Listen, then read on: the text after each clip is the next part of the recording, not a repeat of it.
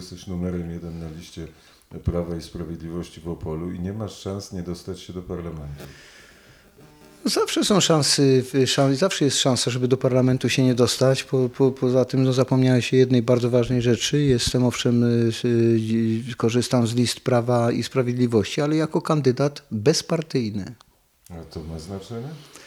No dla mnie ma bardzo duże, dlatego że w ogromnej mierze poszedłem do y, polityki po to, by y, odpartyjnić państwo. Znaczy to nie jest to równoznaczne z, y, nie jest to równoznaczne z likwidacją partii politycznych, ale poprzez zmianę ordynacji wyborczej, poprzez, poprzez odebranie monopolu partiom politycznym na wystawianie kandydatów do Sejmu, w dużej mierze mm, partie jako takie tracą tą swoją znaną wszystkim moc, y, wszechmoc właściwie przy zarządzaniu, zarządzaniu państwem. Jesteś konsekwentny. Pamiętam nasze spotkania z 2012-2013 roku. Wtedy, wtedy wydawało się, że to jest bardzo abstrakcyjny i nierealny pomysł. Okręgi jednomandatowe. Teraz udało ci się, e, udało ci się wprowadzić okręgi do do, e, do, do programu Prawa i Sprawiedliwości? Do programu największej partii, e, partii, która e, w przypadku utrzymania władzy będzie miała moce sprawcze, by te postulaty przeze mnie niesione nawet nie od 2012 roku, tylko od roku mm, co najmniej 1999 E, e,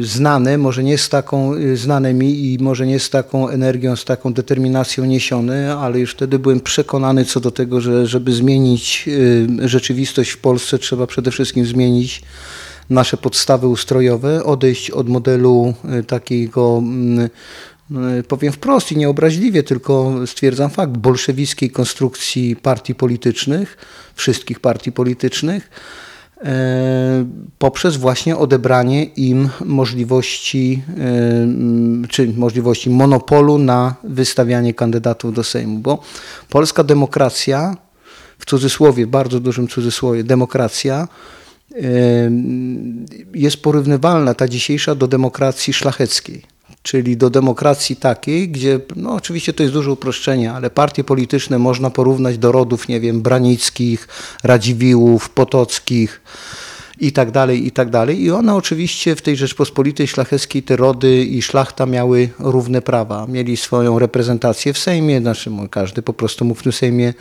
uczestniczyć. Natomiast dwa pozostałe stany, czyli mieszczaństwo i chłopstwo, było na zupełnym aucie i z jakimiś tam namiastką praw, takich, żeby po prostu przeżyli i mogli pracować na tą, na tą demokrację y, szlachecką. Podobnie w tej chwili partie polityczne przypominają takie rody magnackie, które są między sobą oczywiście równe, ale reszta tych stanów nie ma nic do ale powiedzenia. Partie, partie polityczne czy liderzy partii politycznych? Proszę? Partie polityczne czy liderzy partii politycznych? Nie, nie, nie. No partie polityczne, a ordynacja wyborcza powoduje, że te partie mają konstrukcję odgórną, ponieważ to liderzy partii politycznych, y, politycznych wraz z oligarchami decydują o tym, komu przyznać bierne prawo wyborcze do Sejmu. Przecież to nie ludzie decydują, tylko wodzowie partyjni. Ale jest y, zawsze pytanie, czy dobrze rządzą, czy źle rządzą. Jeżeli oligarchowie dobrze rządzą, to po co zmieniać system? System się zmienia wtedy, kiedy wiemy i mamy przekonanie, że źle rządzą. Ja mam takie przekonanie, że można rządzić lepiej, z całą pewnością. Y, mam takie przekonanie również, że jeżeli zostaniemy przy tym partyjnym ustroju, to po równi pochyłej y, zjeżdżamy. Chciałem zauważyć, że Stany Zjednoczone w przypadku nie wiem, czy tutaj używać cudzysłowie, czy, cudzysłowia, czy nie, ale załóżmy, że w przypadku wyzwolenia jakiegoś państwa, na przykład Afganistanu swego czasu, zostawili dokładnie konstrukcję ustrojową polską w tym y, państwie. E, dlatego z kilku powodów, e, ale powodem kluczowym było to, że przez jednego wodza z grupką oligarchów mogą bardzo łatwo kontrolować cały naród, całe państwo. E, kiedy Adenauer negocjował z Amerykanami, z aliantami, no ale przede wszystkim z Amerykanami ustrój Niemiec, wtedy Republiki, nie, Niemieckiej Republiki Federalnej, to optował y, o y, ordynację jednomandatową w całości. Amerykanie na to nie chcieli się zgodzić i użyli dwóch argumentów.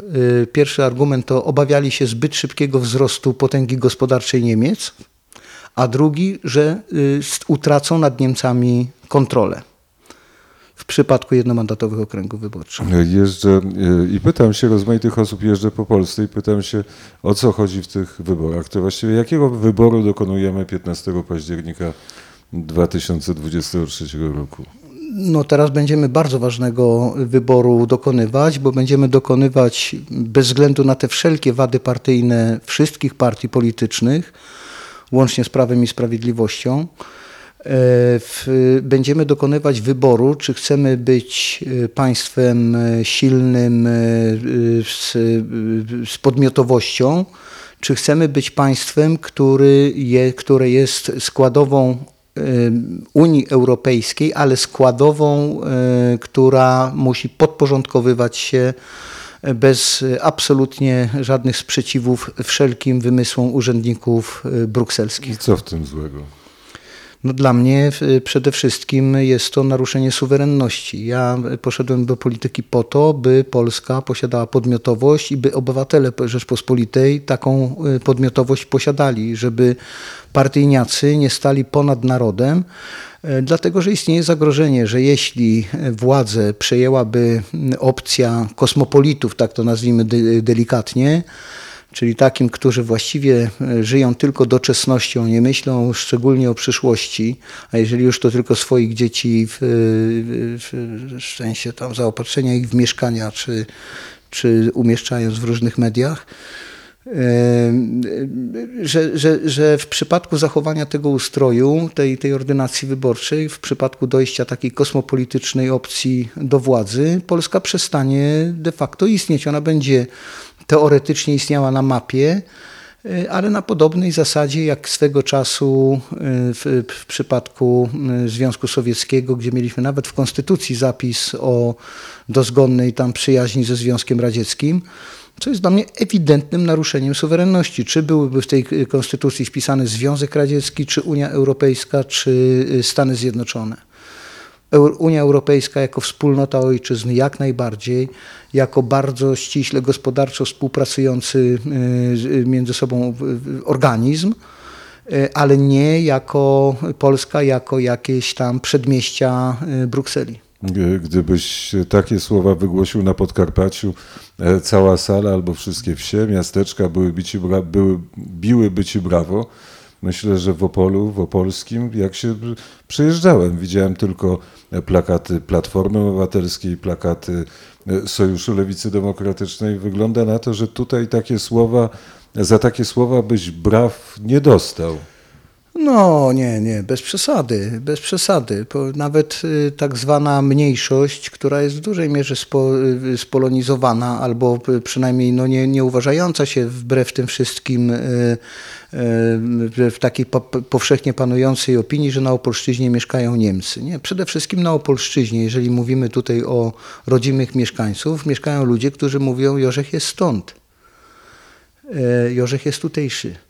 Y, Tą tożsamość niemiecką y, posiada naprawdę niewiele osób. Y, Zresztą z tą tożsamością. myślałem nawet o Zresztą z tą, jeżeli nie, bo ja ten wątek tylko tożsamości przy okazji dokończę. Zresztą z tą tożsamością jest tak, że im gorsza sytuacja ekonomiczna Polski, tym większy, y, większy asumpt daje tutaj ten, właśnie lokal, lokalsom do y, przyznawania się do swojego pochodzenia niemieckiego. Ale jeżeli jest wszystko w porządku, no są po prostu tutejsi.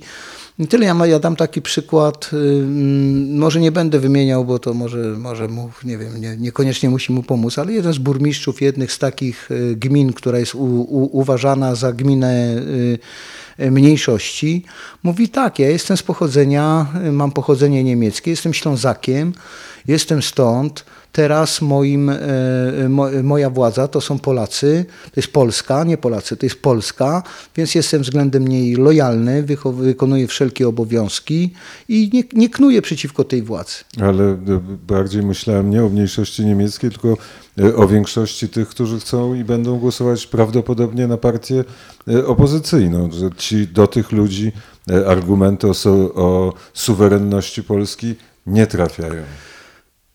Ja na to, na to pytanie odpowiem bardzo ogólnie, bo y, nie wiem, czy tutaj akurat y, koledzy z Prawa i Sprawiedliwości będą zadowoleni z tej mojej odpowiedzi, ale powiem tak. Każda sytuacja, jaka nastąpi, z mojej perspektywy jest y, sytuacją dobrą, z perspektywy też moich postulatów, dlatego że jeśli wygra Prawo i Sprawiedliwość, jeżeli utrzymamy władzę, to już mówię w liczbie mnogiej, dlatego że się z tym obozem związałem poprzez wpisanie moich postulatów do ich programu. Na marginesie powiem, ja żadnych nie, zobowiązań y, nie podpisywałem, y, nie podpisywałem prezesowi Kaczyńskiemu, także ta umowa jest z mojej strony dżentelmeńska. Y, Jeśli utrzymamy tę władzę, to wtedy, mm, wtedy jest ogromne prawdopodobieństwo zrealizowania tych kluczowych postulatów, które zmieniają ustrój Polski i naprowadzają Polskę na drogę państwa prawdziwie demokratycznego, a nie semidemokratycznego. Nie, nie o demokracji partyjnej, tylko o demokracji obywatelskiej. Ale gdyby się y, okazało, że sprawa ma się inaczej i opozycja obejmuje władzę, to również byłaby z mojej perspektywy, jako człowieka, który dąży do zmian ustrojowych, y, pozytywna sprawa, ponieważ w ciągu kilku lat najbliższych ludzie przekonaliby się, jak wielki popełnili błąd głosując na y, drugą stronę. W tej chwili ludzie, są dwa, według mnie dwie przyczyny, dlaczego jest, y, dlaczego PiS bezproblemowo nie wygrywa tej trzeciej kadencji. Pierwszy powód to są niestety te rzeczy związane z y, ujemnymi skutkami y, partyjnego systemu, czyli z tym systemem nagro- nagradzania poprzez spółki Skarbu Państwa, przez różnego rodzaju frukta. Rzeczy dla mnie obrzydliwe, bo chciałbym, żebyś zauważył, że ja nie mam żadnych spółek Skarbu Państwa, nie mam żadnych ministerstw, mimo że w tych czasach, kiedy kiedy od nas zależało, kto będzie miał władzę, mogłem żądać wszystkiego w tym ustroju. Wszystkiego absolutnie, łącznie, nie wiem, z jakimiś radami nadzorczymi w Jastrzębskiej Spółce Węglowej czy w KGHM-ie, z pieniędzmi, z obsadzeniem rodziny gdzieś w, w jakiś... To, to jest niestety praktyka tego ustroju od 89 roku. Jestem przekonany, y, i to jest pierwszy powód, dlaczego PiS y, tutaj no, y, musi się napracować, żeby tą trzecią kadencję wygrać. A drugi powód jest banalnie prosty. To jest podobnie jak w show biznesie. Może być najpiękniejsza piosenka, ale w pewnym momencie ona, ona jest, nagle ci się już przesłyszała, że tak powiem. Szukasz czegokolwiek, słyszysz tą piosenkę, którą naprawdę cenisz i lubisz i, i w ogóle jest hitem, ale słyszysz już ją tak często i już od tak dawna, że przełączasz na inny kanał. E, I wydaje ci się, że ta druga może być interesująca. Po Ale jakimś po- czasie wracasz, ale, ale to już może być za późno. Ale po, po, powiedziałeś o fruktach. Nawet myślałem, że nie będziemy o tym rozmawiać, no ale chodzisz z takim garbem e, rozmaitych oskarżeń, że tu Morawiecki dał Kukizowi e, 4 miliony, że e, dzieją się takie dziwne rzeczy. Kandydat na posła z opozycji chyba chce e, podjechać kawałeczek tramwajem do kolejnego przystanku, zdobyć sobie wyborców kosztem Kukiza. Kandydat wymyślił sobie sposób na kampanię. Pierwszy taki jego zasadniczy y, powód, y, zasadniczy takie hasło przewodnie to jest 8 gwiazdek. E, A drugie, no dorzucił do tego, ponieważ to jest okręg opolski, dorzucił do tego Kukiza i do, dorzucił do tego pomówienia. A ponieważ ma tutaj prawdopodobnie różnego rodzaju umocowania, e, w takim, e, co też wynika właśnie z tego ustroju, gdzie tworzą się sitwy, e, takie towarzysko, mm, e, nawet trudno to nazwać światopoglądowe, ale towarzysko-partyjne. E, Również pomieszanie z wymiarem sprawiedliwości i tak dalej, że dochodzi do sytuacji takich, gdzie właściwie bezkarnie może powielać tę nieprawdę, bezkarnie może szkalować, bezkarnie może e, pluć. Ja dam jeden przykład. On, Kto?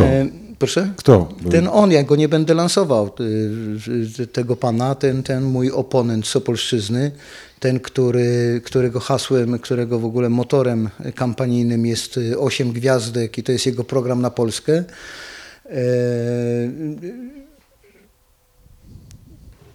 W, w, w pewnym momencie złożyłem pozew przeciwko temu człowiekowi.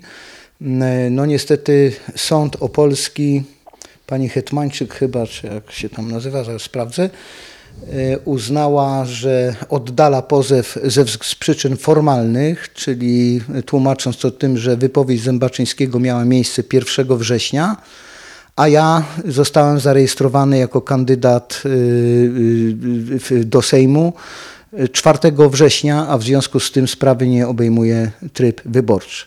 I właściwie na tym powinna się sprawa skończyć, bo po prostu ona nie widziała żadnych przesłanek, by tę sprawę kontynuować. Widziała przyczyny formalne, które y, wykluczają rozpatrywanie tej sprawy, a mimo wszystko ona te sprawy dalej rozpatrywała, czyli ona odnosiła się do naszych y, zarzutów y, względem tego człowieka startującego z Opolszczyzny, mojego y, konkurenta z konkurencyjnej partii. E, I odniosła się między innymi do siedziby fundacji, która, uwaga, nie była w ogóle przedmiotem jakichkolwiek roszczeń z naszej strony, z mojej strony, ze strony prawników. Odnosi się wrażenie, jakby dostała od y, strony mm, gotowe uzasadnienie wyroku w przypadku, gdyby była konieczność jednak rozpatrywania tego w trybie wyborczym. Po prostu takie wrażenie. E, I ona stwierdziła, posiadając też dokument, bo takie zostały dostarczone przez moich prawników, dokumenty z KRS-u z wydrukiem e, dotyczącym Fundacji Potrafisz Polsko, w którym jak byk stoi, że fundacja posiada siedzibę i adres w miejscowości Lewin Brzeski, dokładnie w tym miejscu, w którym stał Zębaczyński i mówił, to tutaj się mieści fundacja, jednocześnie zarzucając, że fundacja nie ma w KRS, KRS-ie adresu. No gdyby tego nie było, adresu, to on by tam nie trafił. E, I, mm, e, i teraz właśnie się pojawia sytuacja taka. Ta pani sędzia po- powiela nieprawdę w tym swoim uzasadnieniu, którego w ogóle nie powinno być e, i nic jej nie może zrobić. Nic, absolutnie. Ja się zastanawiam w tej chwili nad rzeczą taką, czy nie zamieścić ogłoszenia, że pani, tutaj mam nawet chyba taką wstępnie napisane, ale to sekundeczkę musimy poczekać i muszę to znaleźć. Tak, jest takiego oświadczenia Fundacji Potrafisz Polsko i Pawła Kukiza w związku z umieszczeniem przez sędzię Sądu Okręgowego w Opolu Beatę Hetmańczyk nieprawdziwych informacji w postanowieniu Sądu Okręgowego w Opolu z dnia 13 września 2023 w sprawie, tam sygnatura tak dotyczących rzekomego przyznania przez Pawła Kukiza, iż adres Fundacji Potrafisz Polsko ujawniony w KRS jest nieaktualny i de facto fundacja nie posiada aktualnego adresu, oświadczamy, że Adres Fundacji Potrafisz Polsko ujawniony w KRS, ulica Kościuszki 80A w Lewinie Brzeskim jest aktualny i prawidłowy. Fundacja posiada tytuł prawny, umowę najmu do lokalu oraz reguluje na czas zobowiązania czynszowe, przy czym fundacja korzysta z wywyższego lokalu, z wyżej wymienionego lokalu w ramach bieżących potrzeb. Paweł Kukis nie przyznał w trakcie postępowania prowadzonego przed Sądem Okręgowym w Opolu w sprawie numer i tak dalej okoliczności, iż adres Fundacji Potrafisz Polsko jest nieaktualny, bowiem okoliczność ta jest nieprawdziwa. No i to jest chyba tylko jedyna rzecz, żeby to w, w prasie pozamieszczać z imieniem i nazwiskiem tej pani, pani sędzi. Yy, To jest w ogóle bardzo ciekawa tutaj pani sędzia, nie wiem czy tutaj się odnosić, ale tam się kiedyś pobili y, sędziowie w Strzelcach Opolskich, s- sędzia, mąż pani sędzi Hetmańczyk, która nie przyszła na rozprawę, y, y, s- ponieważ posługiwała się, czy, czy nie, nie, nie rozstrzygała spraw, ponieważ y, posługiwała się zwolnieniem lekarskim, złamał nos sędziemu, który był na ten fakt, y, uderzył go, który był tym faktem y, y, zniesmaczony, ponieważ on musiał przejąć po pani sędzi jakieś tam obowiązki, a uważał, że to zaświadczenie lekarskie jest nieprawdziwe. Tak wygląda polskie sądownictwo, tak wygląda polska polityka, tak wygląda polski ustrój. Nic nie jesteś w stanie tym sędziom zrobić, ponieważ ona jest niezawisła, ona jest niezależna, ona może napisać nawet kłamstwo, bo to jest kłamstwo, a przynajmniej poświadczenie, y, oświadczenie nieprawdziwe, y, z tym, że fundacja nie posiada adresu No, i siedziby.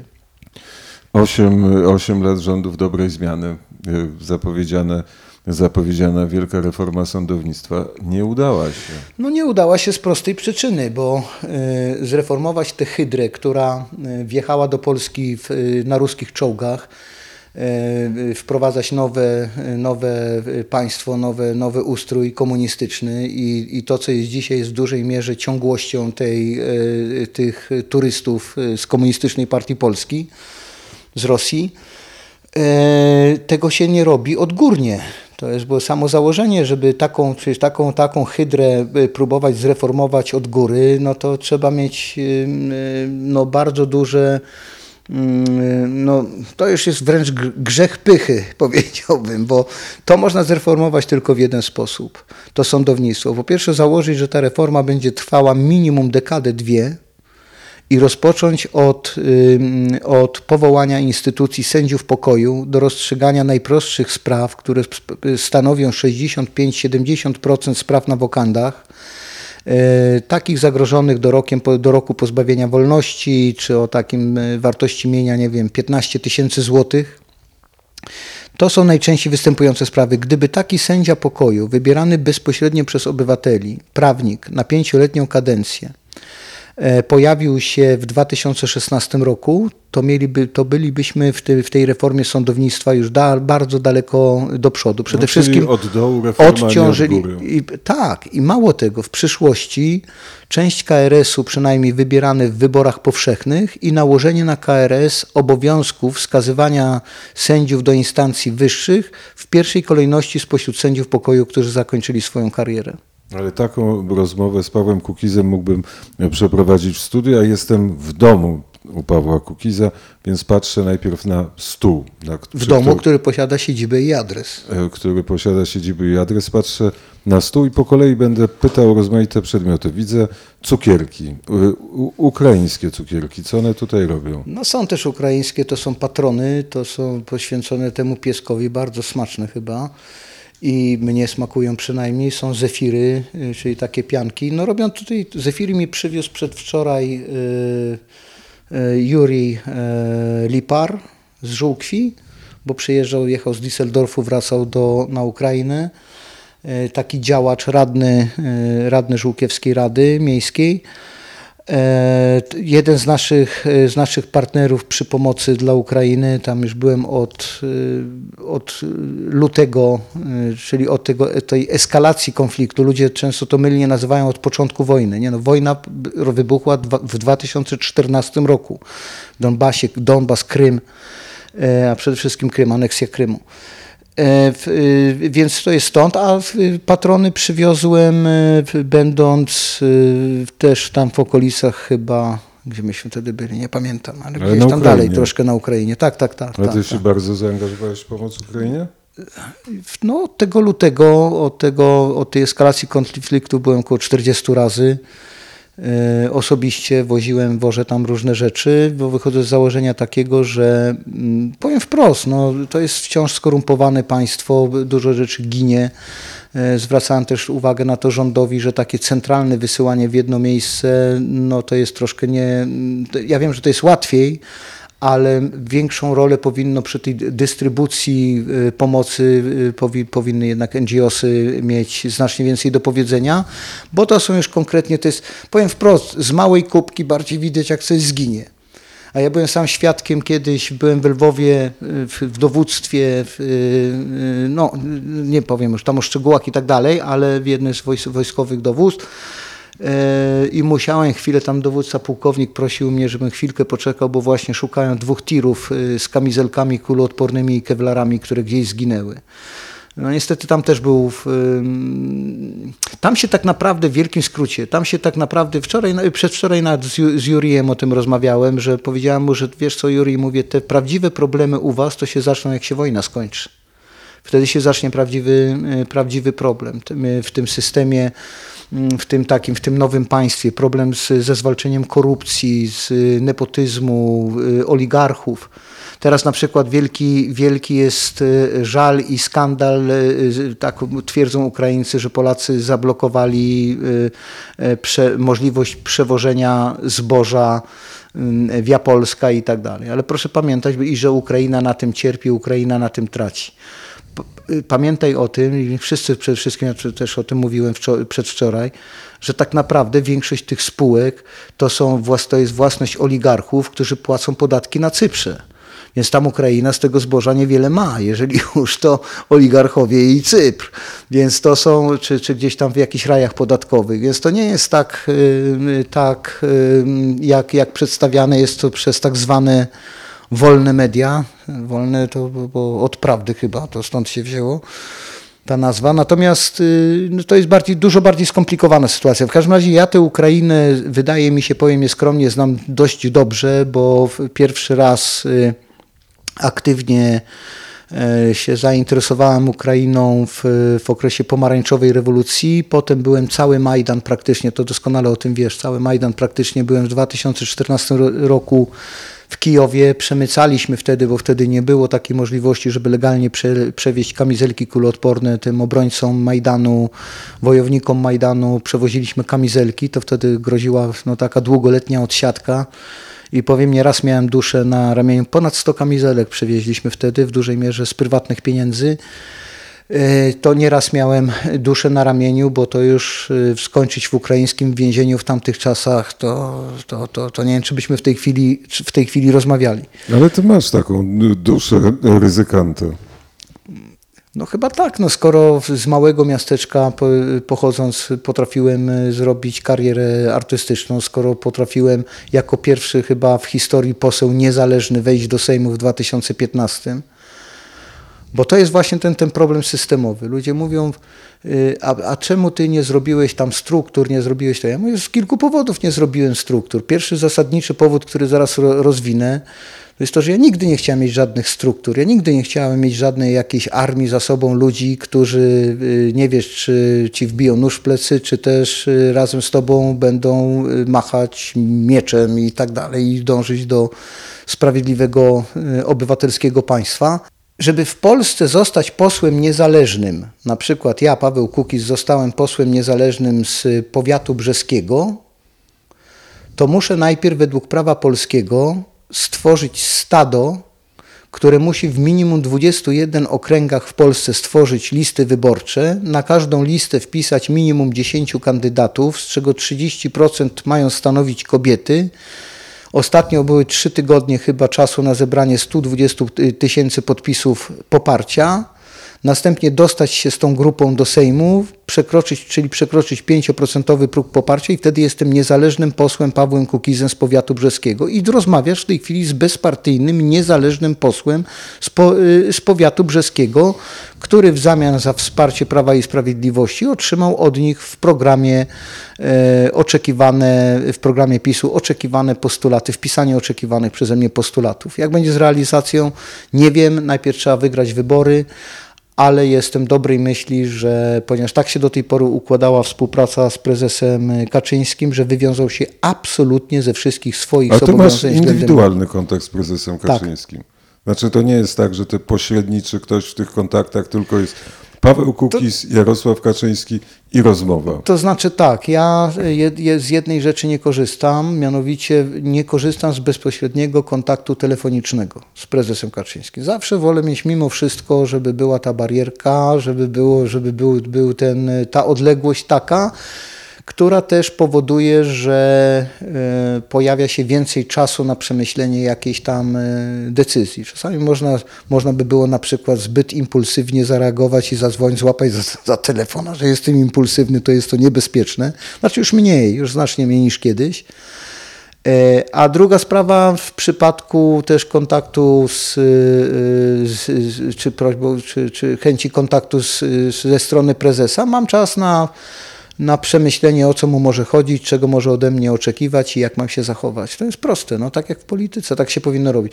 Ale normalny osobisty kontakt, y, y, tak, bez żadnych, bez żadnych y, pośredników podczas a, jak, rozmów. a jak czy... to jest mieć taki osobisty kontakt z dyktatorem?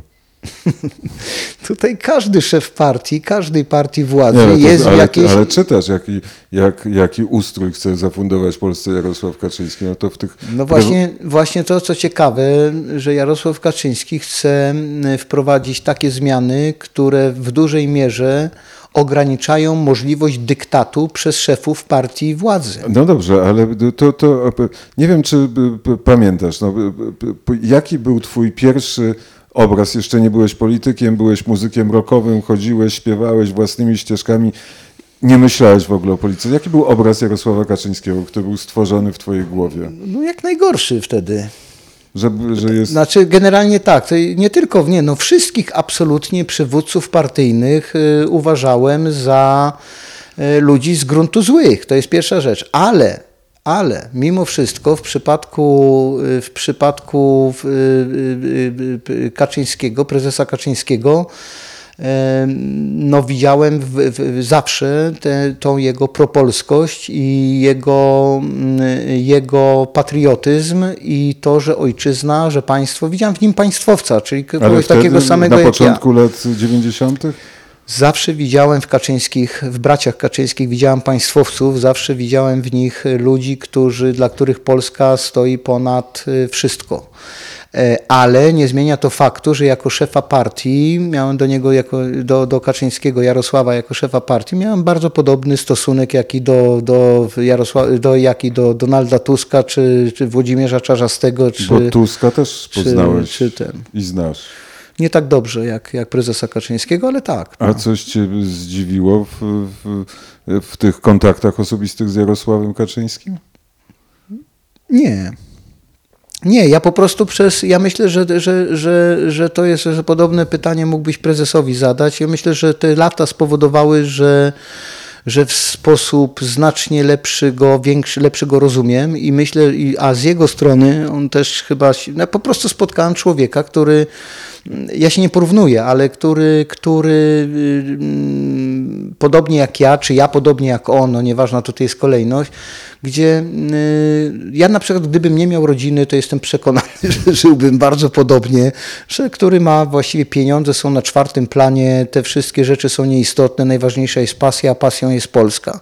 I to jest, to jest taka jak gdyby rzecz, zacząłem, wcześniej podejrzewałem go jakieś takie cyniczne kalkulacje, władza dla samej władzy i tak dalej. Nie, to jest wykluczone. Władza jako, jako, jako możliwość sprawstwa, to tak, takiego pozytywnego, to tak, oczywiście. I on tą władzę potrafi, e, potrafi sprawować, potrafi wykorzystać wszelkie instrumenty, jakie daje ten system. Niestety również z tymi brudnymi instrumentami, z których musi również od czasu do czasu korzystać, chociażby e, w ten sposób, że w momencie, kiedy Prawo i Sprawiedliwość traciło e, na sile, dam przy, przy, przykład, posłanka Janowska, która teoretycznie dostała się z list z 15 do parlamentu, ale w momencie śmierci Wójcikowskiego ona wchodziła na jego miejsce z ramienia z 15. Ona nawet nie była u mnie w klubie. Ona od razu poszła do PiSu, zaproponowała współpracę.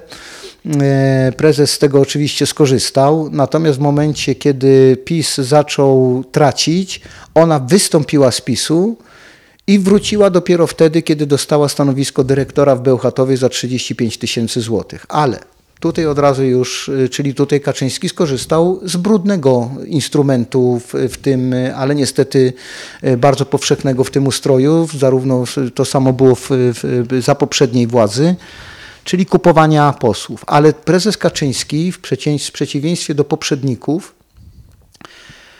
nie wpisał pani Janowskiej e, e, po raz kolejny na listę e, PiSu. Ma z nią problem, ponieważ ona startuje w wyborach senackich, więc tutaj będzie miał problem z, z, z nominatem czy popieranym kandydatem przez Prawo i Sprawiedliwość. A druga sprawa bardzo istotna, chyba najistotniejsza, to Prawo i Sprawiedliwość i prezes Kaczyński wprowadzili ustawę antykorupcyjną, która w pełnym zakresie obowiązywać będzie już za cztery tygodnie od momentu wybrania, czy tam no, pięć tygodni nowego Sejmu. E, I wtedy wchodzą, już część tych zapisów weszła, ale wchodzą te takie według mnie kluczowe, czyli zakaz, bezwzględny zakaz y, zasiadania w spółkach Skarbu Państwa i spółkach komunalnych, w komunalnych, y, przez w spółkach Skarbu Państwa i spółkach ko- komunalnych przez posłów i senatorów. Y, A w, y, kolei, a w od nowej kadencji samorządu również zakaz zasiadania w takich radach, w spółkach komunalnych i spółkach Skarbu Państwa przez wójtów, burmistrzów, prezydentów miast. Do tego dochodzi zapis, który obliguje sąd do konieczności wywalenia e, urzędnika państwowego, wszystko jedno jakiej rangi, za łapownictwo w- urzędnicze e, z pracy na okres od roku do 10 lat. E, Na okres od roku do 10 lat e, dostaje zakaz startu we wszystkich e, wyborach, taki delikwent i zakaz udziału w przetargach publicznych. A jeśli powtórzy ten e, wyczyn po przyjęciu e, znowu do pracy, do, te wszystkie zakazy obowiązują dożywotnio. Więc to jest ta kluczowa różnica. Platforma zapowiadała y, pakiet ustaw antykorupcyjnych, nie wprowadziła żadnej, ani jednej, nic, zero. Kaczyński owszem i korzystała z tych brudnych instrumentów y, systemowych. Kaczyński owszem był zmuszony tutaj w kilku sytuacjach do korzystania z takich instrumentów, ale już na następną kadencję są wpisane zakazy korzystania z takich instrumentów. Zapytałem się o relację, o Twoje wrażenie ze spotkań z Jarosławem Kaczyńskim, a czy Jarosław Kaczyński, prezes Prawa i Sprawiedliwości, nie patrzy na Ciebie trochę jak na dziwoląga, kogoś, kto nie powinien pojawić się w polityce? Myślę, że na początku tak, y, tak patrzył. Ja pamiętam w 2015 roku, kiedy, y, kiedy dostałem tam, zostało w jakiś sposób umówione spotkanie z panem prezesem i on zaproponował mi wtedy już taką trwałą współpracę w zamian za y, no, takie ważne stanowiska w, w państwie, jak wicepremierostwo, jakieś ministerstwa. Ogólnie to było wszystko bardzo omawiane, ale było. A ja wtedy powiedziałem, panie prezesie, y, przykro mi, ale ja jak przyszedłem tutaj po, po ustawy, a gdybym się dowiedział, że Kukiz jest wicepremierem, to ja bym z tego kraju uciekł. Mówię, bo ja o tym pojęcia zielonego nie mam.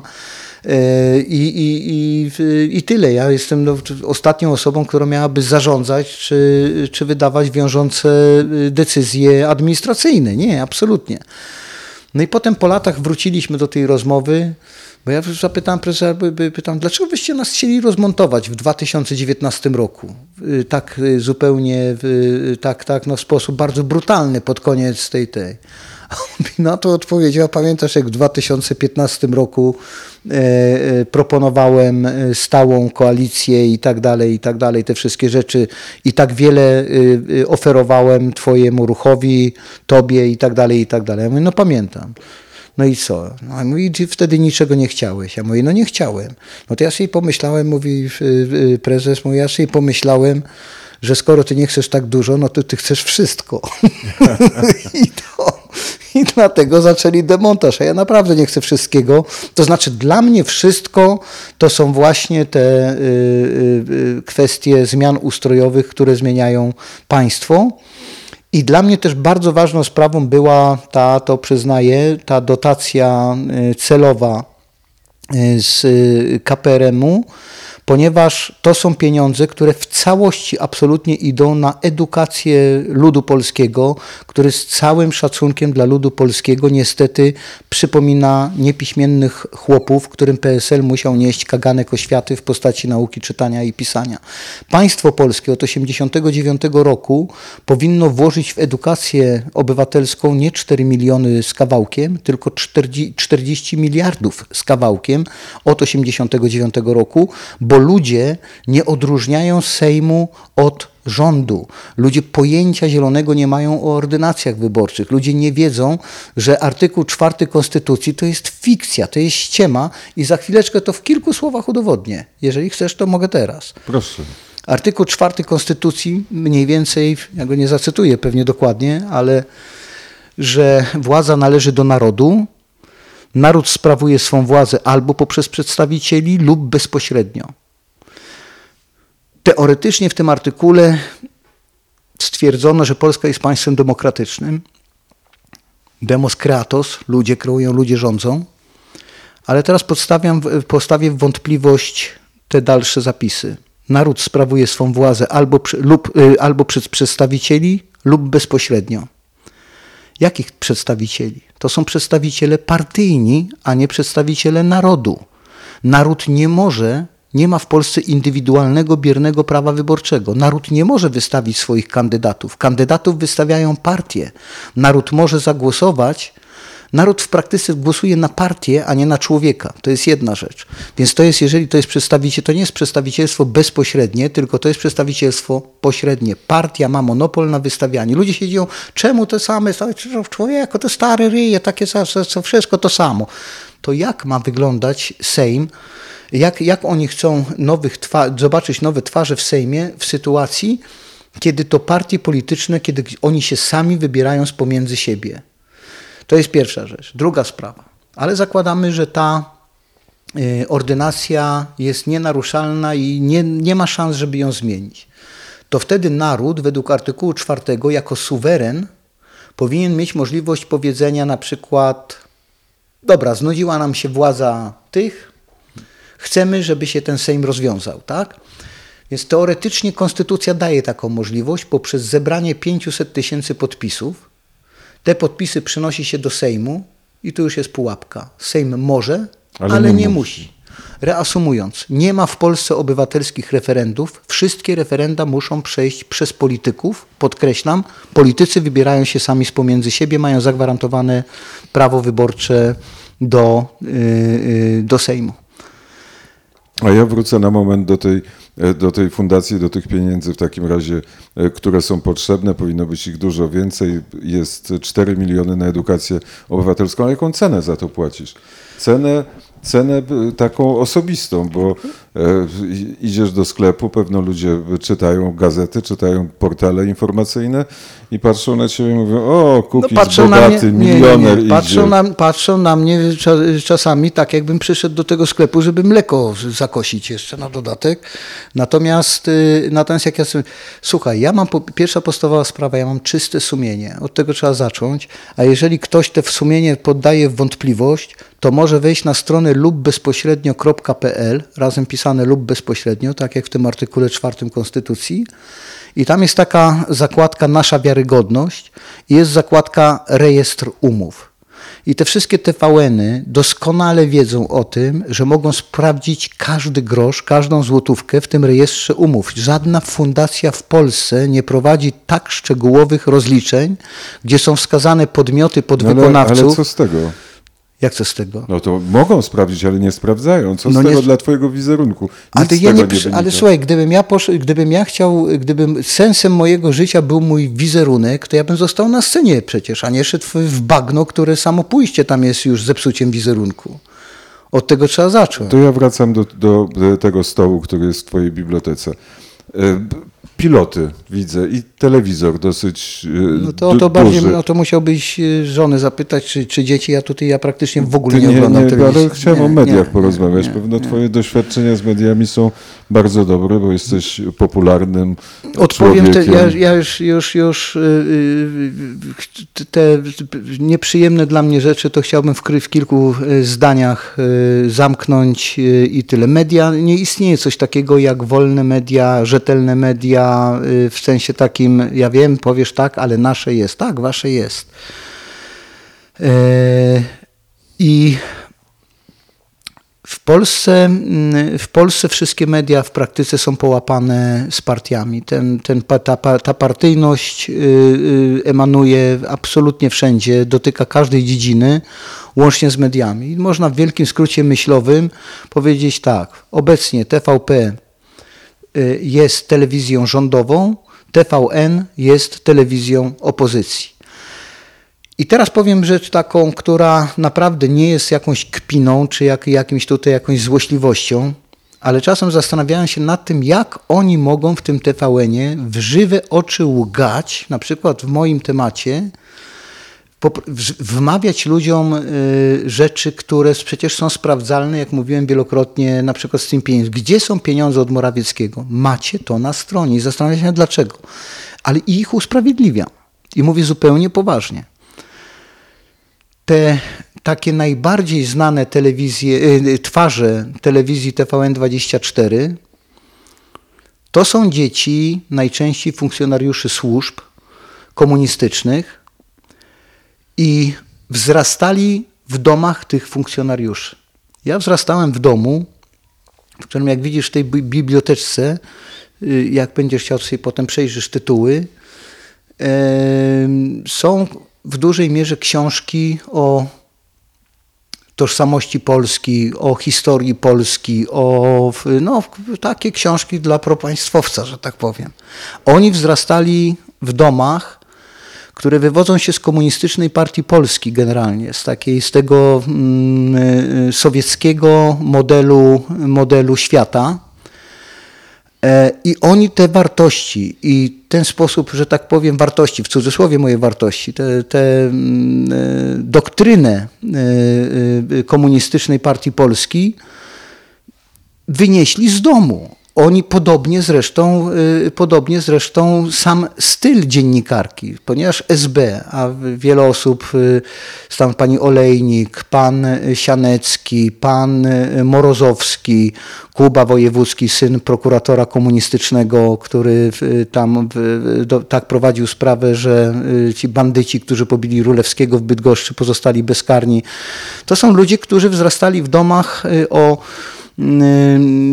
no o tej właśnie mówię, tej, tej komunistycznej y, mentalności, manipulacji, y, propagandy, y, gdzie w największym skrócie siła propagandy, czy jak gdyby taka na- naczelny rys propagandy polega na tym, żeby z, ze złodzieja zrobić człowieka uczciwego, a z człowieka uczciwego złodzieja. To są stare ubeckie metody, oni to wynieśli z domów, po prostu w swojej mentalności i w swojej, niosą to ze sobą, w genach po prostu. Ja mówię to zupełnie poważnie, nie chcąc nikogo urazić, dlatego y, mówię, no w jakimś sensie ich usprawiedliwiam. Mało tego, oni są pewnie przekonani również o swojej takiej wyższości. Oni nagle coś utracili, oni chcą to odzyskać.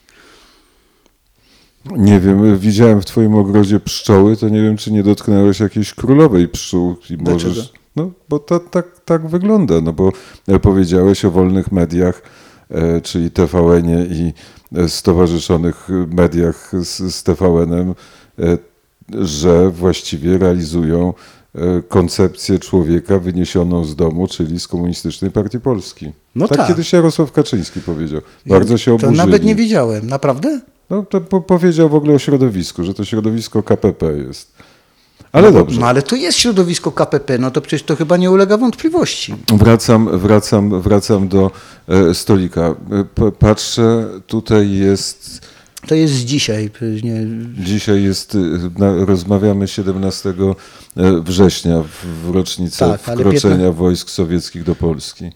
tak, ale to zostało przyznane medal ogólnopolski okręg Światowego Związku Żołnierzy Armii Krajowej trzeciego obszaru lwowskiego imienia Orląt Lwowskich, legitymacja 0055, kapituła z dnia 15 września przyznaje, nadaje Pawłowi Kukizowi oznaczenie za zasługi dla Światego, Światowego Związku Żołnierzy Armii Krajowej, prezes okręgu Leopold Jan Gomułkiewicz. To coś No jest bardzo dla ładne. ciebie? Czy, czy to oznaczenie jest dla mnie ważne? Tak. No jedno tak, to są wszystkie, wszystkie te oznaczenia, które dostałem się po chwale są ważne, zasłużona o polszczyźnie, czy medal brata Alberta, albo kawaler Orderu Uśmiechu za pomoc charytatywną. Y, Jeszcze tam jakieś były y, wyróżnienia artystyczne. głowę, głowę Kisiela. No kisiel też, oczywiście, no to jakby bez kisiela. No, A tego Kisiela to za co dostałeś? Kiedy to za to, było? że znam pana prezesa. Którego? No tego, z którym rozmawiam. Yy, Teraz tak, w- yy, ale wracając do tej daty 17 września, no dla mnie ta dzisiejsza uroczystość też była dosyć istotną, znaczy bardzo istotną, nie ze względu nawet tylko i wyłącznie na ten medal, ale w 2015 zmarł mój ojciec, Tadeusz Kukiz, który był działaczem krysowym. A 17 września to jest y, data, kiedy y, zawaliło się życie całej mojej rodziny właśnie ze strony ojca. Y, W 40 roku mój dziadek Marian Kukiz, y, przodownik Policji Państwowej, on był komendantem w kilku tam posterunkach na na Kresach w województwie tarnopolskim. Został aresztowany przez NKWD, w tym samym, e, potem w 1941 roku e, zamordowany przez e, Sowietów w więzieniu Brygitki w Lwowie. Dwóch jego braci, również policjantów, zostało zamordowanych, ale to już w Ostaszkowie. E, A mój tato e, jako w 1941 roku, jako wtedy mm, 11-letni chłopak został zesłany na Syberię, właśnie do Kazachstanu, dokładnie do Pławodarskiej oblasti i wr- wrócili stamtąd w 1946 roku. E, Ojciec cudem wrócił tam. Babcia opowiadała, że, że tam była po prostu dwukrotnie walka o, o, o życie, życie mojego taty. No i wszystko to dzisiaj przy okazji była msza oczywiście o 14 i podczas tej mszy właśnie myślałem przede wszystkim o, o tych losach e, moich, moich przodków i o tym, że to co ja robię jest też w pewnym sensie ciągiem dalszy, dalszym ciągiem tej walki, którą prowadzili również Polacy w 1945 roku. Ja cały czas jestem też w okopach. Ja walczę o wyzwolenie państwa z, y, z tych pozostałości. Tu nie ma wojsk sowieckich, ale jest ustrój sowiecki cały czas w dużej mierze. Tak jak powiedziałem, to nie jest demokracja. To jest semidemokracja, demokracja partyjna. Obywatele są odsunięci na, na boczny tor. Ja dostaję, jak widzę ludzi, tak coś takie, widzę ludzi, którzy biegają po ulicach, czy to w Warszawie, czy w dużych miastach. No mam takie mieszane uczucia. Y, takie, powiem szczerze, no przepraszam, że tak powiem mocno, ale że to jest takie mieszan, po- pomieszanie głupoty, czy jakby nieświadomości z jakąś, z czymś bliżej nie do, nie do określonym, no bo jak można biegać po ulicy, krzyczeć chcemy być wolni, wolni, ale zostawmy ustrój niewolniczy. Przecież to się wzajemnie wyklucza. Jak chcesz być człowiekiem wolnym w sytuacji, kiedy nie możesz sam osobiście y, starać się aplikować o, y, o bycie członkiem parlamentu polskiego? Nie masz równych praw człowieku. Żądaj tego, ja chcę mieć równe prawa. Chcę być człowiekiem wolnym, a nie na zasadzie takiej, ja będę. To nie jest krzyczenie, to nie jest krzyk nawet chcę być wolny, tylko wzmieńcie mi Pana. No był taki moment, kiedy 20% Polaków zagłosowało na Pawła Kukiza w 2015 roku w czasie wyborów e, prezydenckich. Obawiam się, że jest 17% w ogóle y, nieświadomie, nieświadomych tego, dlaczego głosuje. Bo jesteś fajny. Prawdopodobnie tak, ale już jesteś nie. fajny? Nie, no ja cały czas byłem, jestem i będę fajny, natomiast w oczach ludzi w tej chwili jestem wyjątkowo niefajny, bo dla ludzi nie jest ważne, co ja niosę, tylko z kim idę. I to jest przerażające. Wróćmy na chwilę do historii rodzinnej. E, Tutaj w domu masz e, archiwa rodzinne? Badasz te archiwa rodzinne? Tym zajmował się przede wszystkim mój tato. I e, tak, tak, mam je zgromadzone te, e, te, te wszystkie archiwa od przywilejów Augusta e, drugiego Sasa, kniazi lubyckich. e, W, e, to, jest, w- to, są, to były okolice Lubyczy Kniaziej, Lubyczy, e, to jest blisko, blisko, blisko Lubyczy Królewskiej. Przez całą tą no, jakby historię do, po, po dziś dzień. No. Stąd, stąd też wiedza o tym, który z, na przykład z braci dziadka. Mój pradziadek był burmistrzem takiej miejscowości Uchnów, na, która do 1951 roku leżała po stronie polskiej, a w ramach tak zwanego równania granic wraz z Bełzem została wcielona do teoretycznie ukraińskiej SSR, a w praktyce do Związku Sowieckiego. W 51, czyli 6 lat po wojnie, oni jeszcze sobie granicę mogli równać. W zamian za to dostaliśmy e, Bieszczady. Ust- Ustrzyki.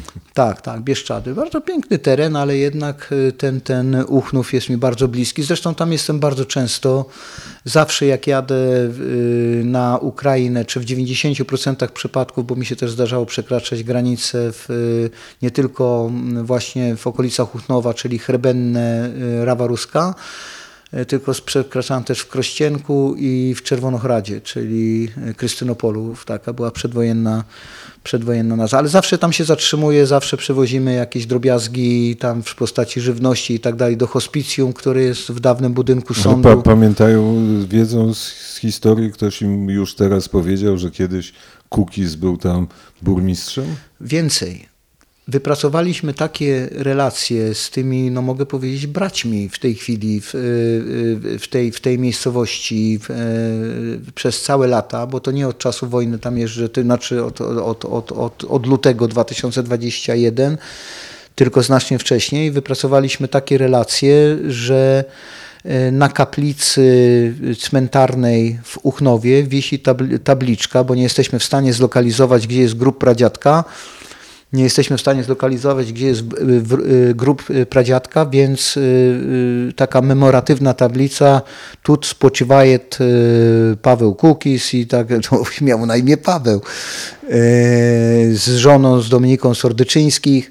Y, I to wszystko, mm, były takie czasy, że taka tablica by zniknęła, doskonale o tym wiesz, w ciągu 24 godzin, gdybym ją powiesił. Ona wisi, ona jest cały czas y, eksponowana i ja tam się czuję jak w domu i nie mam nawet przez myśl, by mi nie przyszło, żeby to z powrotem miało gdzieś wracać do Polski. Absolutnie. Ważne jest to, jak ja się tam czuję. Ja się czuję tak, jakbym był w domu. Y, Co chwilę dostaję od nich. Dzisiaj chyba, czy wczoraj dostałem taką, zaraz Ci pokażę tutaj wiadomość. To są niby drobiazgi wszystko, ale, ale Yy, gdzie tu ta Halina jest? Teraz, ten, ten, ten, taką prośbę. O, jest tutaj Halina. I Halina mi pisze tak. Привіт, Павел. Чи можна десь е, дістати активні навушники для наших е, вояків? Потрібно три активні навушники. Ну, ти відписує. Надішліть мені фотографії того, e, jak це wyglądaje. No i mi wysłała, to są takie nauszniki tutaj. Co, jak jeździmy teraz ostatnio, zawieźliśmy tam te y, termowizory, to są te nauszniki, to są trzy sztuki, nie kosztuje to dużo, bo za jedna kosztuje, już sprawdzałem, około y, y, y, 60, y, 6 tysięcy, przepraszam, czy 66 tysięcy hrywien, czyli około tam 5, 500 zł, więc spokojnie, jak będę jechał teraz prawdopodobnie 30 do, y, na Ukrainę znowu z jakimiś tam dla żołnierzy rzeczami, to, mm, to jej przywiozę też przy okazji te nauszniki. To z- z górnej półki zadam pytanie, jak sobie wyobrażasz przyszłość polsko-ukraińską? No zależy, jak będziemy postępowali dzisiaj. Jeżeli rząd polski nie będzie zwracał uwagi na przykład w przypadku tego zboża na sprawy takie, że drodzy Ukraińcy, e, proszę nie używajcie argumentów, że Polacy blokując e, e, przewóz zboża przez Polskę blokują wam pieniądze na walkę z, z okupantem, z tym agresorem, z agresorem rosyjskim, ponieważ pieniądze za te zboże nie zostają w Ukrainie, nie są Ukraińców, tylko podatki nie, podatki nie idą na Ukrainę, tylko zostają na Cyprze. Dopóki z tym nie zrobicie porządków, y, porządku, no to proszę nie mieć do nas y, pretensji. My wam pomagamy ile możemy, ale my też mamy swoje rodziny, my mamy swoje życie, my mamy swoje, y, swoje interesy. E, tutaj wysłałem dzisiaj SMS do jednego, jednego z, właśnie to do dwóch czy trzech nawet, ludzi, przepraszam, że tak mówię, ale, Z Ukrainy. ale szukam Szu- jednocześnie. Nie, nie, nie, z polskiego rządu. O, Tak, i napisałem między innymi tutaj tak.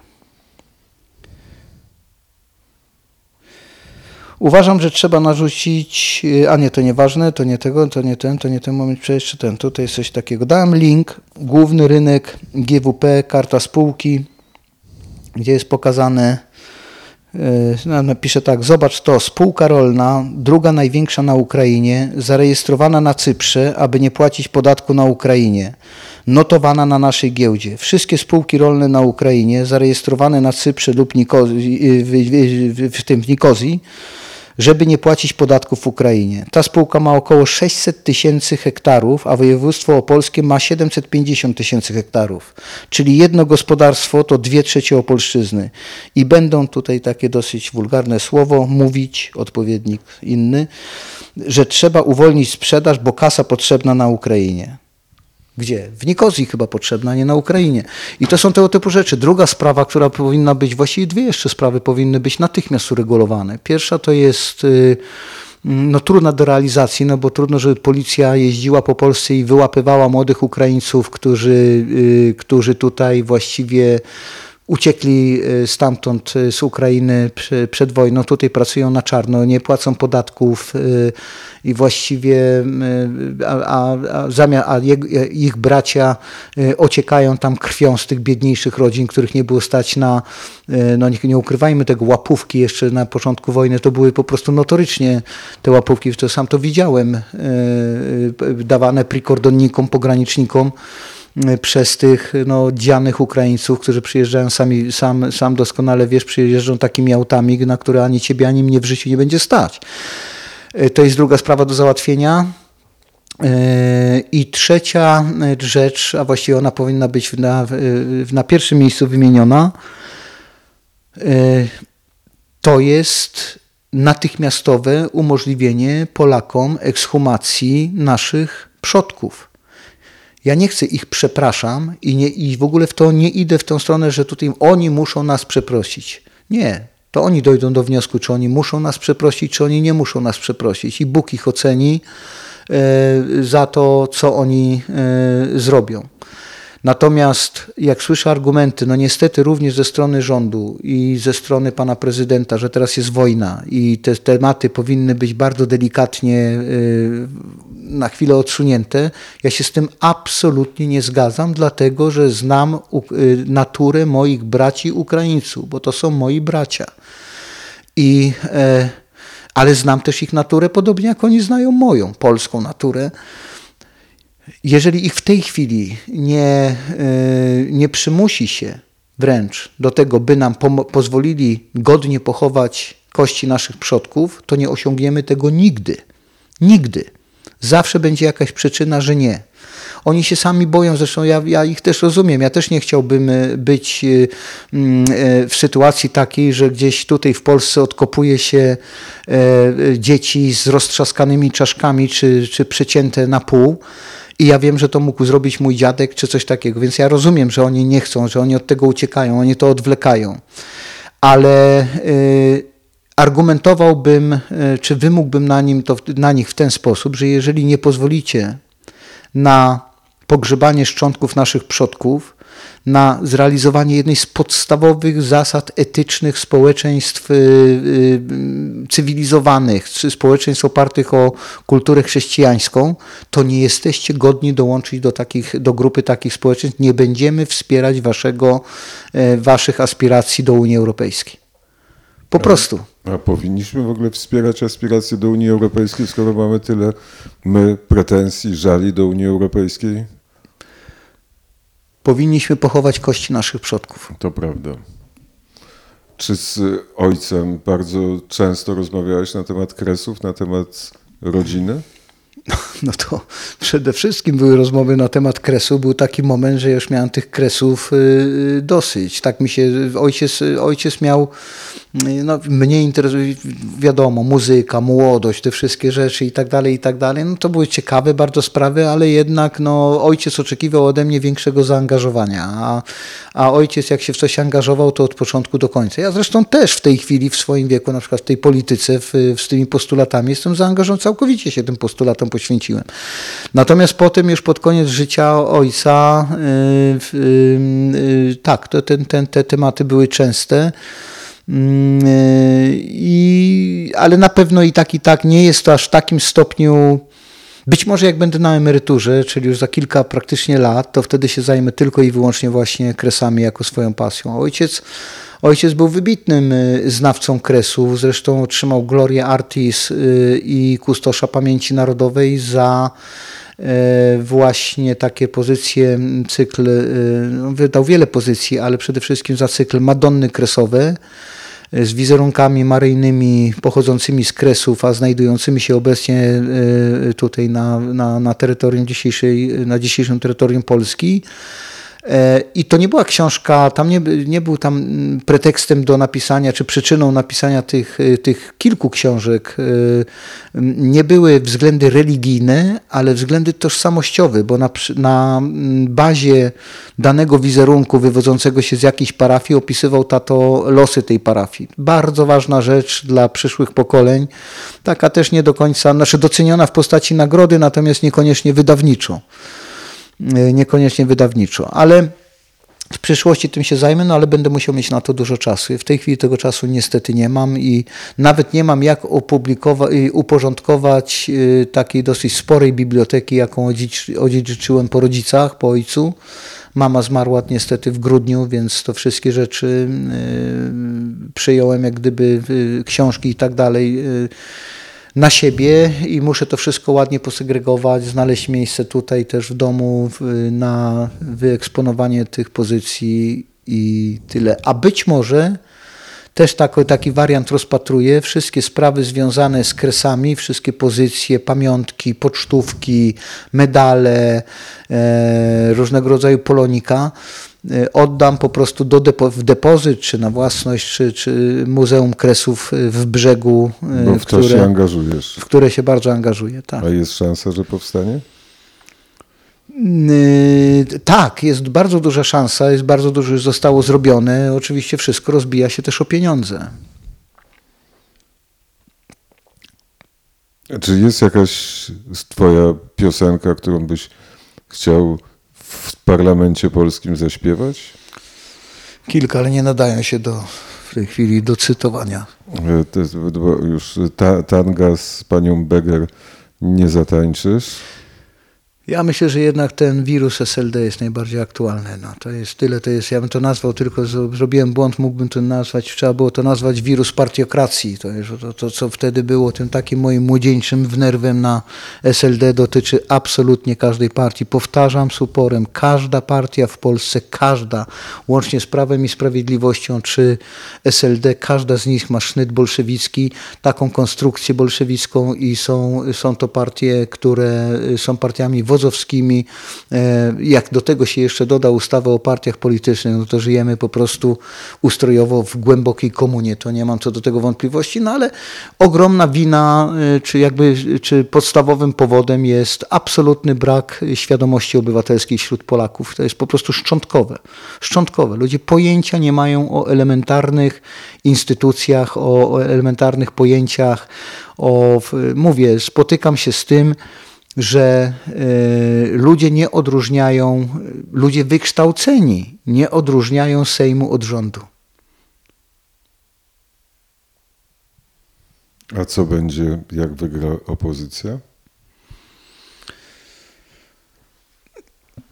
To zależy z jakiej perspektywy pytasz, bo to, to może być różnie. No, z, yy, powiedziałem wcześniej, no, dla mnie nawet sytuacja, sytuacja tak, jeśli wygrał, bez względu na to, kto wygra, ja mam jeden cel. Najbliższe cztery lata e, poświęcić przede wszystkim e, edukacji, takiej pracy u podstaw, takiego, tak jak kiedyś PSL nosił kaganek oświaty, ja mówię o tym prawdziwym PSL-u z Witosem na czele, nie z jakąś, nie wiem, karykaturą tej, tej partii. E, Oni tak naprawdę to PSL-owcy rozpoczęli proces edukacji narodu, czytania i pisania, nie komuniści. Ale Komuniści nie myślisz o Kosiniaku-Kamyszu. z czym? Ja Z mówię tym- o prawdziwym PSL-u, nie, o, nie mówię o, o, o tym tygrysku, tylko mówię o, y, mówię o Witosie. No to jest, no, to jest w ogóle nie, nieporównywalne. No. To za co ta głowa Kisiela tutaj, dlaczego ona tu wylądowała? Nie wiem, to żony zapytaj, ona tutaj ustawia. Pojęcie nie mam, dlaczego ona tutaj z wylądowała. którego to jest roku? 16, 2016, 17? Nie wiem. Jak już po, po wyborach prezydenckich. Ja nie pamiętam, ja nie przykładam jakichś szczególnych, y, szczególnej wagi do, do, do nagród, do, do medali. Ten mnie cieszy, ten, który otrzymałem dzisiaj, ale generalnie nie, nie ma to dla mnie jakiegoś szczególnego znaczenia. Tak samo jak mówię, no dla mnie było szokiem te, te ataki i, to, i, ta, i, ta, i ta łatwowierność ludzi, nawet nie tyle te ataki, tylko powiedzieli w telewizji, że Kukiz ukradł, to złodziej jest i tak dalej. I oni w to wierzą. Oni się nie zastanawiają nad tym, żeby wejść na stronę fundacji, żeby zobaczyć, że że, że czy zainteresować się moją osobą i od jakiego czasu w ogóle prowadzę działalność charytatywną. Oni się nigdy, oni, ludzie się nie zastanawiają nad tym, że jeżdżę po dziesiątki tysięcy kilometrów po, e, po tej Ukrainie od, od dłuższego czasu, że swój czas e, poświęcam, że nie ma nikt w tej fundacji ani grosza nie zarabia. Nikt. Ja mam, ja mam dybyściaków u siebie. E, Takich naprawdę bardzo, bardzo no, przyzwoitych, bardzo dobrych ludzi, e, społeczników, a oni z nich zrobili wszystkich złodziei. To jest coś nieprawdopodobnego. I to jeszcze ta telewizja, która ma fundację, y, y, fundację TVN, gdzie zarząd w ciągu, trzyosobowy zarząd zarabia blisko 600 tysięcy rocznie, sam trzyosobowy zarząd, blisko 600 tysięcy rocznie wypłat. 600 tysięcy. I oni mnie oskarżają, mnie, który nie ma, nie ma nic, nie ma żadnych, y, y, nikt nie pobiera ani grosza, ani złotówki, niczego. Przecież gdyby tutaj było coś nie tak, to tutaj prokuratura by siedziała na tym wszystkim. Trzeba, proszę składajcie, mówię, zwracam się do tych wszystkich TVN-ów i ich y, y, słuchaczy, oglądaczy, zgłaszajcie, wejdźcie na stronę lub bezpośrednio.pl w zakładkę Nasza Wiarygodność, rejestr umów, znajdziecie jakieś nieprawidłowości, zgłaszajcie na prokuraturę. Jakąś konkluzją bym zakończył. Jak No. się czujesz? O tej porze i po tam całym dniu roboty w niedzielę, tak już sennie trochę. Bo nagrywamy rozmowy i rozmawiamy. 17 września 2023 roku to rzeczywiście jest niedziela, to rzeczywiście jest wieczór. Jesteśmy w domu Pawła Kukiza i bardzo serdecznie dziękuję za rozmowę. Ja również bardzo dziękuję i zdrowia wszystkim życzę.